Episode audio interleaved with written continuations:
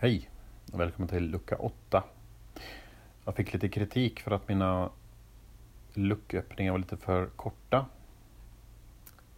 Kritik från mig själv framförallt. Eh, lite självkritisk faktiskt. Ehm, jag ifrågasätter ofta mig själv, vad jag håller jag på med och så vidare. Nu sitter jag här i soffan, klockan är 20 över 10 på kvällen och spelar in det här. Ska inte jag sova? Nej, men jag tycker att det här är kul faktiskt. Vi ska öppna luckan här och se vad vi får i alla fall. Cornflakes.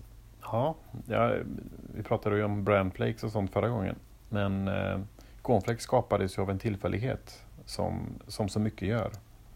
I USA också, som så mycket gör. Eh, I sekelskiftet, runt sekelskiftet. Man ville ta fram en variant av den norditalienska rätten polenta. Det är från nordöst, runt Venedig upp där.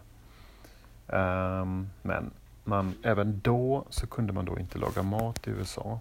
Allt ska ju stekas och brännas och hålla på där. Men vips så var cornflakesen född.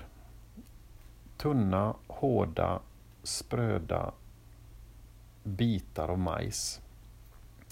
Det var någon som tänkte det här kan man sälja. Låt oss ta någon sån här, en, en tupp på framsidan och så är det kuckeliku och vips var morgonprodukten född. Och det växer ju så fort också majs. Och knappt något vatten behövs. Det är som undulater fast i majsvärlden.